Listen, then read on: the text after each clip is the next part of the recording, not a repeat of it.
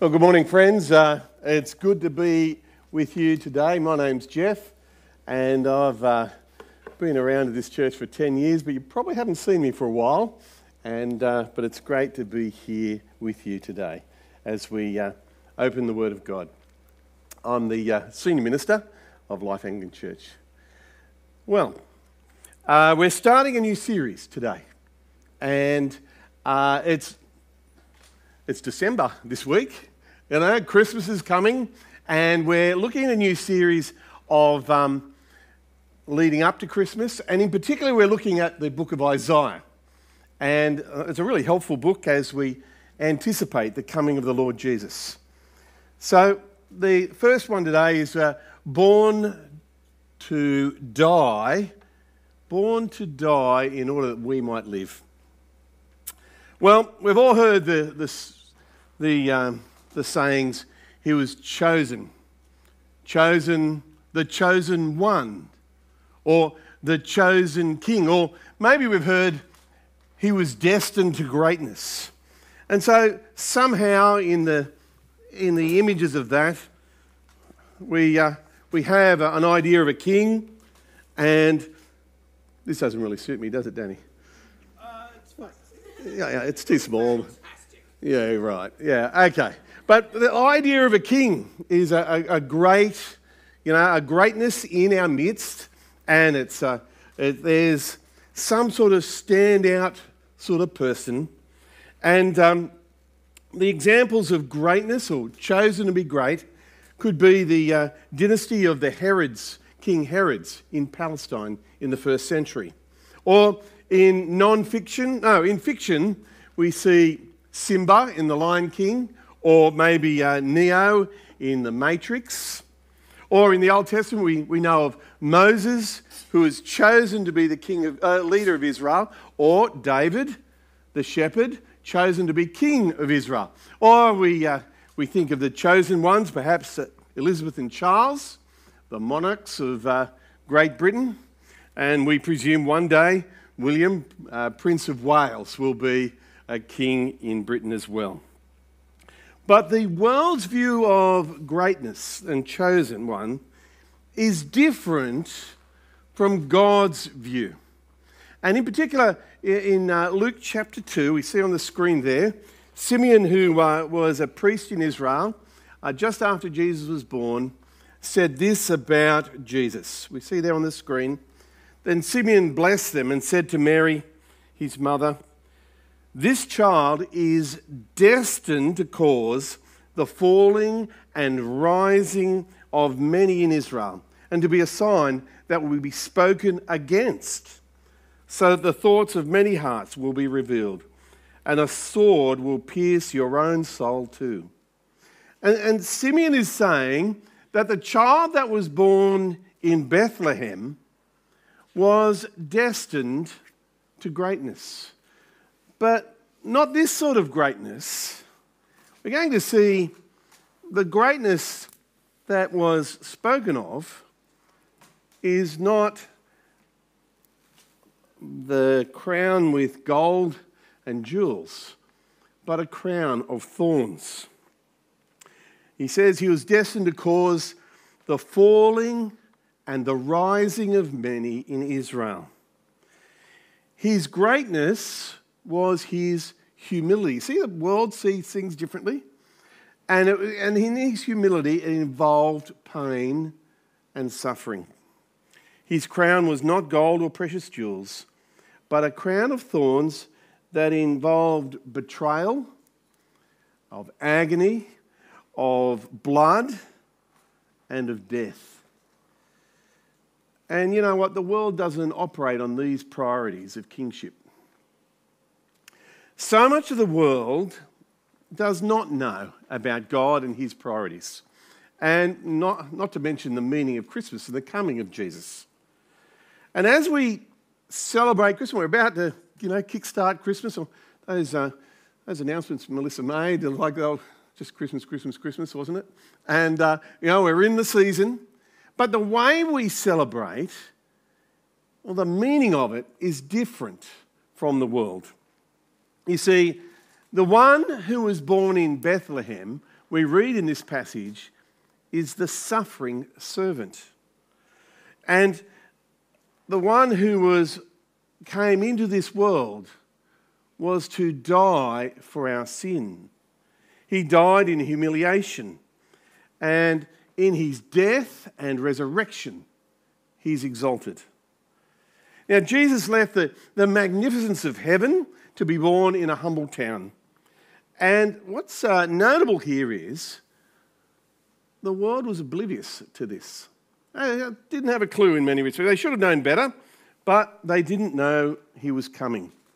He gave up the crown of heaven for a crown of thorns, and he, by and large, went unnoticed. And by the majority of the people on earth, just didn't know he had come. But for us as Christians, we know full well why he came. And, and we have the, the knowledge, particularly the Old Testament leading up to Jesus and the, the prophecies there, what sort of king this was, was to come. But um, the ba- this babe in the manger was born to die. To die. Now, how does this affect our view of Christmas? You know, we, uh, we're going to have family around, no doubt, or friends, or we're going to have festivities and maybe presents and, you know, lots to eat. Um, that's perhaps a lot of what Christmas is for many of us, and there's nothing wrong in those. But we've got to understand the meaning of Christmas, and, and if Jesus came to die in order for us to live, then we shouldn't lose the focus of Christmas and why he died. And so many of us in our community miss the essence of Christmas, and it's become hollow. So you see, the, the greatest joy for us at Christmas is the baby who came to live and to die for us so that we can be forgiven. This is the very point we don't want to lose in all the fun and excitement and even chaos. And this prophecy here that uh, Anne just read to us from Isaiah 53, some 700 years before Jesus was born, details so specifically about what Jesus, uh, what was to happen to him and uh, why he had to die. And no human could ever have predicted this by accident so far earlier. And, and no, no impostor could ever have fulfilled, you know, these things by fraud. Have a look at verse 10 of Isaiah 53 on the screen there. Yet it was the Lord's will, it was the Lord's will to crush him and cause him to suffer. And though the Lord makes his life an offering for sin, he will see his offspring and prolong his days, and the will of the Lord will prosper in his hands. It's clear here that Isaiah is referring to Jesus, the Lord Jesus, as being the Messiah here, the one who is called the suffering servant, the one who is to be rejected, the one who is, we're told in this passage, to be our substitute for our sin, to die for us as a sacrifice. We see here he dies in humiliation. And of course, we know he ultimately was raised in glory and, uh, and is in heaven. But in our Isaiah series, we're, we're looking to, leading up to Christmas, we're going to see he was born to die today, and this involved rejection.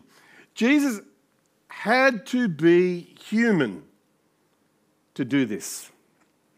So Jesus left here the magnificence of heaven to be born in humble circumstances in, in a backwater town in Israel.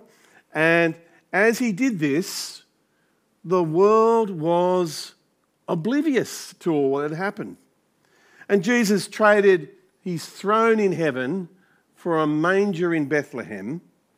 He gave up the praises of angels in heaven for the mocking of his enemies. He gave up his glory for the cross. And he gave up his golden crown, so to speak, for the crown of thorns. But somehow Jesus was unexpected when he arrived. And yet, centuries had gone by um, uh, between the end of the Old Testament, there's, there's over, just over 400 years of, of silence You know, and there was no word from God or, or God's prophets to, to about you know, what was about to happen. But they were waiting. They were waiting. They were waiting for this Messiah to come in silence. And few recognized him when he did turn up. And so we read the beginning of verse uh, 1 of Isaiah 53 Who has believed our message, and to whom has the arm of the Lord been revealed? Here, God is speaking through the prophet and saying, Hey, few will care, few will expect, few will recognize for Jesus for who he is. Because the reason why they didn't recognize him, they were expecting a mighty warrior king who was going to liberate them from the Roman armies. And, and they were looking at this Davidic king that was to have the glory of Israel, that uh, where all the nations looked to, to Israel. And, uh, and they were a mighty nation. They, they wanted to go back to the past. We right there? No? Okay. So they were not expecting a humble baby to be born. They were not expecting a suffering servant. And as we know, as Jesus grew older, the rejection of him increased. And uh, we know that famous passage opening in John's Gospel, chapter 1. The true light that gives light to everyone was coming into the world. He was in the world, and though the world was made through him, the world did not recognize him. He came to that which was his own, but his own did not receive him. You see, even though the prophets told them over and over again, Jesus uh, was rejected by the people who should have known better. And they were just not ready for Jesus. Their hearts were hard, their deeds were done in darkness, we're told, and they were full of selfishness and pride. He was crucified by the people who should have known better. And he was deserted by his friends, by his own disciples. And all of this, we're told, is part of God's plan, part of God's greatness for us, that we might be rescued from sin. And friends, this is the reason why we celebrate Christmas. Jesus' birth and death, however, was an unexpected surprise in his day. And the tragedy in Isaiah is that God's word was spoken over and over again very clearly, but apparently was spoken on deaf ears. They rejected the salvation that was offered to them. The second thing was Jesus was really unimpressive because they were looking for a certain sort of king. They were watching for the Messiah to come in a way that was not foretold. So we read in verse 2, Isaiah 53 He grew up before him like a tender shoot and, and like a root out of dry ground. He had no beauty or majesty to attract us to him, nothing in his appearance that we should desire him. You see, Jesus was unimpressive to the world in his appearance. You know, he, even his own hometown in Nazareth, they, they, well, they were impressed by his teachings and by his miracles, but they rejected him. You know, Jesus wasn't this tall, blue eyed you know, man we see in the movies of 40 years ago. He was ordinary to see. And yet, his own people reject him. They saw him as an unimpressive carpenter's son and they knew his family well. He was a nobody like them. But I want to say this is all part of God's plan. God's plan was to do this. And why do you think God planned Jesus to be so ordinary in appearance? Hey, today the right look, the right branding can do a lot for people. But Jesus' life and message are the most important thing. And today, today we often see, you know, um, you know, we overlook this principle and the, the glamour shots and, you know, the hair blowing in the wind and all this sort of, sort of exalting something that is not what God is wanting. You see, Jesus was not a model material that you'd see on a fashion, the cover of a fashion magazine. Now, the third thing we see in this passage is that Jesus was unwanted. And this is, uh, this is the one that breaks my heart the most, really. God's idea of the Messiah didn't match up with what the people wanted. So Jesus was not only despised, or oh, not only rejected, but despised and, and hated by so many. Look at verse 3 of Isaiah 53. He was despised and rejected by mankind, a man of suffering, a man of suffering, and familiar with pain. Like one from whom the people hide their faces, he was despised, and we held him in low esteem. Friends, Jesus was able to relate to us in so many ways. He experienced the enormous sorrow as he overlooked Jerusalem and cried to them. He cried at, at a funeral. He felt compassion for the people and tenderness as he wanted to protect them like a, a mother hen does her chicks. And tragically, in all this, the people were unwilling to receive him. And yet, it's the same today. People don't want to receive Jesus, do they? We want Jesus on our own terms. You know, it's okay to think of Jesus in a manger, okay, but not on a throne. You know, I don't mind a Saviour who forgives, but we balk at a, a king who, who rules and we had to submit to. Jesus was unwanted by the world then and is unwanted by the world today. But the real question for us this morning is do I want Jesus on his terms? On his terms. All these things uh, were prophesied in Isaiah 700 years before Jesus was born. And so we read in Luke 2, verse 4 on the screen there. So Joseph also went up from the town of Nazareth to, in Galilee to Judea, to Bethlehem, the town of David because he belonged to the house and line of David. He went there to register with Mary, who was pledged to be married to him and was expecting a child. And while they were there, the time came for the baby to be born, and she gave birth to her firstborn, a son. She wrapped him in cloths and placed him in a manger because there was no guest room available for, for them. Many people, perhaps maybe, passively rejected Jesus, but it was clear that the vast majority was oblivious to him. And in time, some became violently opposed to him. There was no room for Jesus in the inn. There was no room for Jesus in their, their busy agendas. There was no room for Jesus in their hearts. Herod is a name we hear throughout the New Testament. It's a, a family name for a dynasty that ruled in Palestine throughout the New Testament times. And um, Herod the first was said to be Herod the Great. And he ruled from about 35 BC to 4 BC. And uh, they, they made a little mix up with the calendar, uh, and we believe Jesus was born in 4 BC. And uh, Herod the Great was also known to have a title called King of the Jews. And he loved that title and he, he cherished it so much.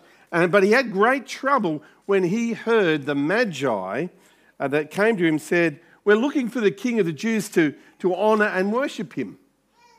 And so Herod had no intentions of worshipping this king of the Jews.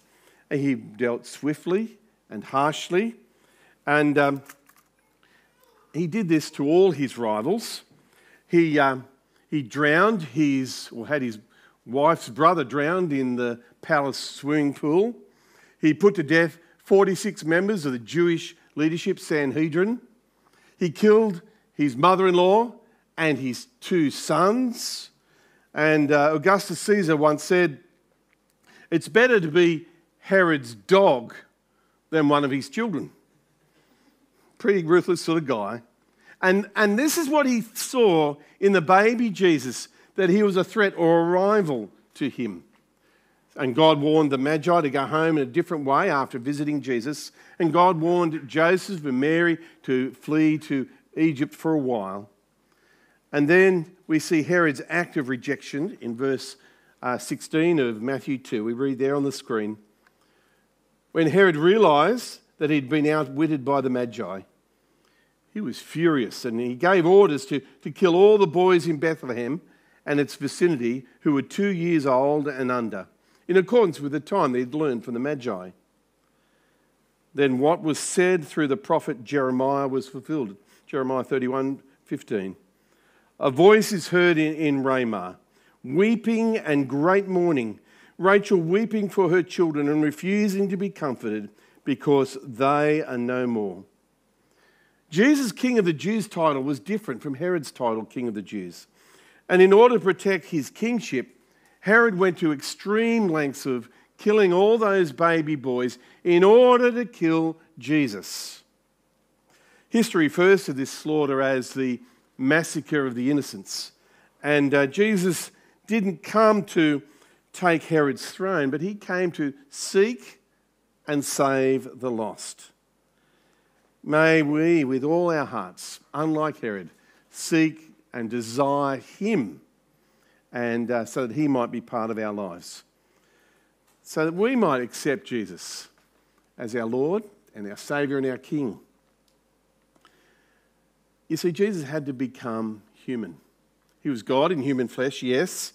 He had to know what it was like, like we experience, of, of suffering and pain, like we all go through.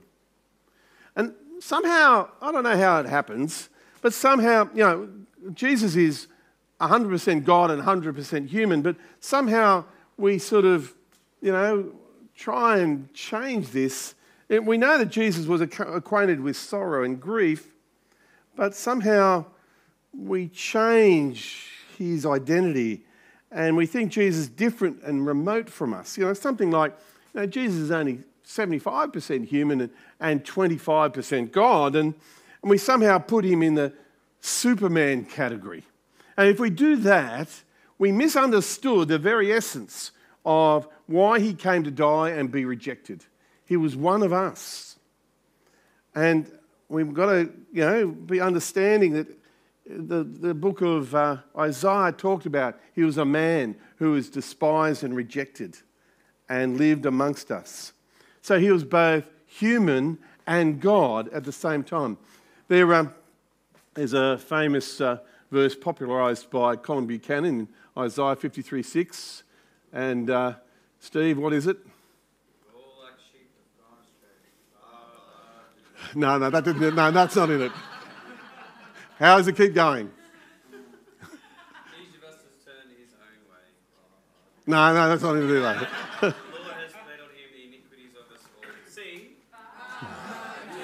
All right. Okay. Uh, all right. We know the verse, don't we? And we love to sing along with it.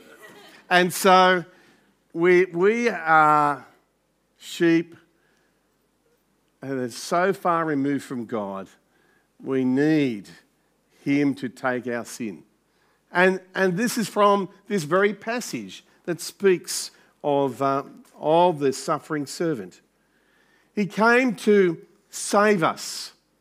He came to forgive us. He came to love us. He came to correct us. He came, we know, to die for us.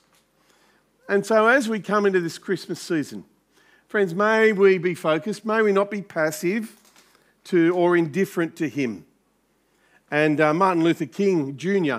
in the 1960s summed up the attitude of life that Jesus had of being other person centered, and maybe we should be taking on this as well. We read, he, uh, he said these words We're prone to judge success by the index of our salaries or the size of our automobiles rather than by the quality of our service and relationship to mankind. So, what is it we yearn for in life? in Christmas, in our focus on Christmas this year. The way the world wants to see Jesus is tinsel and Santas and, you know, decorations and glitter. They want to see Christmas their own way. However, that's the world's glory, but the crown of thorns is the focus of Jesus coming into this world to to live as one of us and to save us. Well, let, us pray. We thank you, Heavenly Father, that Jesus became human for us. He lived and suffered and died and rose again from the dead, and we're so grateful for that. And we thank you that He gave up His glory in heaven just for a while and was one of us and was despised and rejected and experienced grief and pain so that we could be forgiven and live out our life with you now and into all eternity. And Lord, as we are about to start this Christmas season, help us to see the purposes of Christmas is found in the outcome of Easter.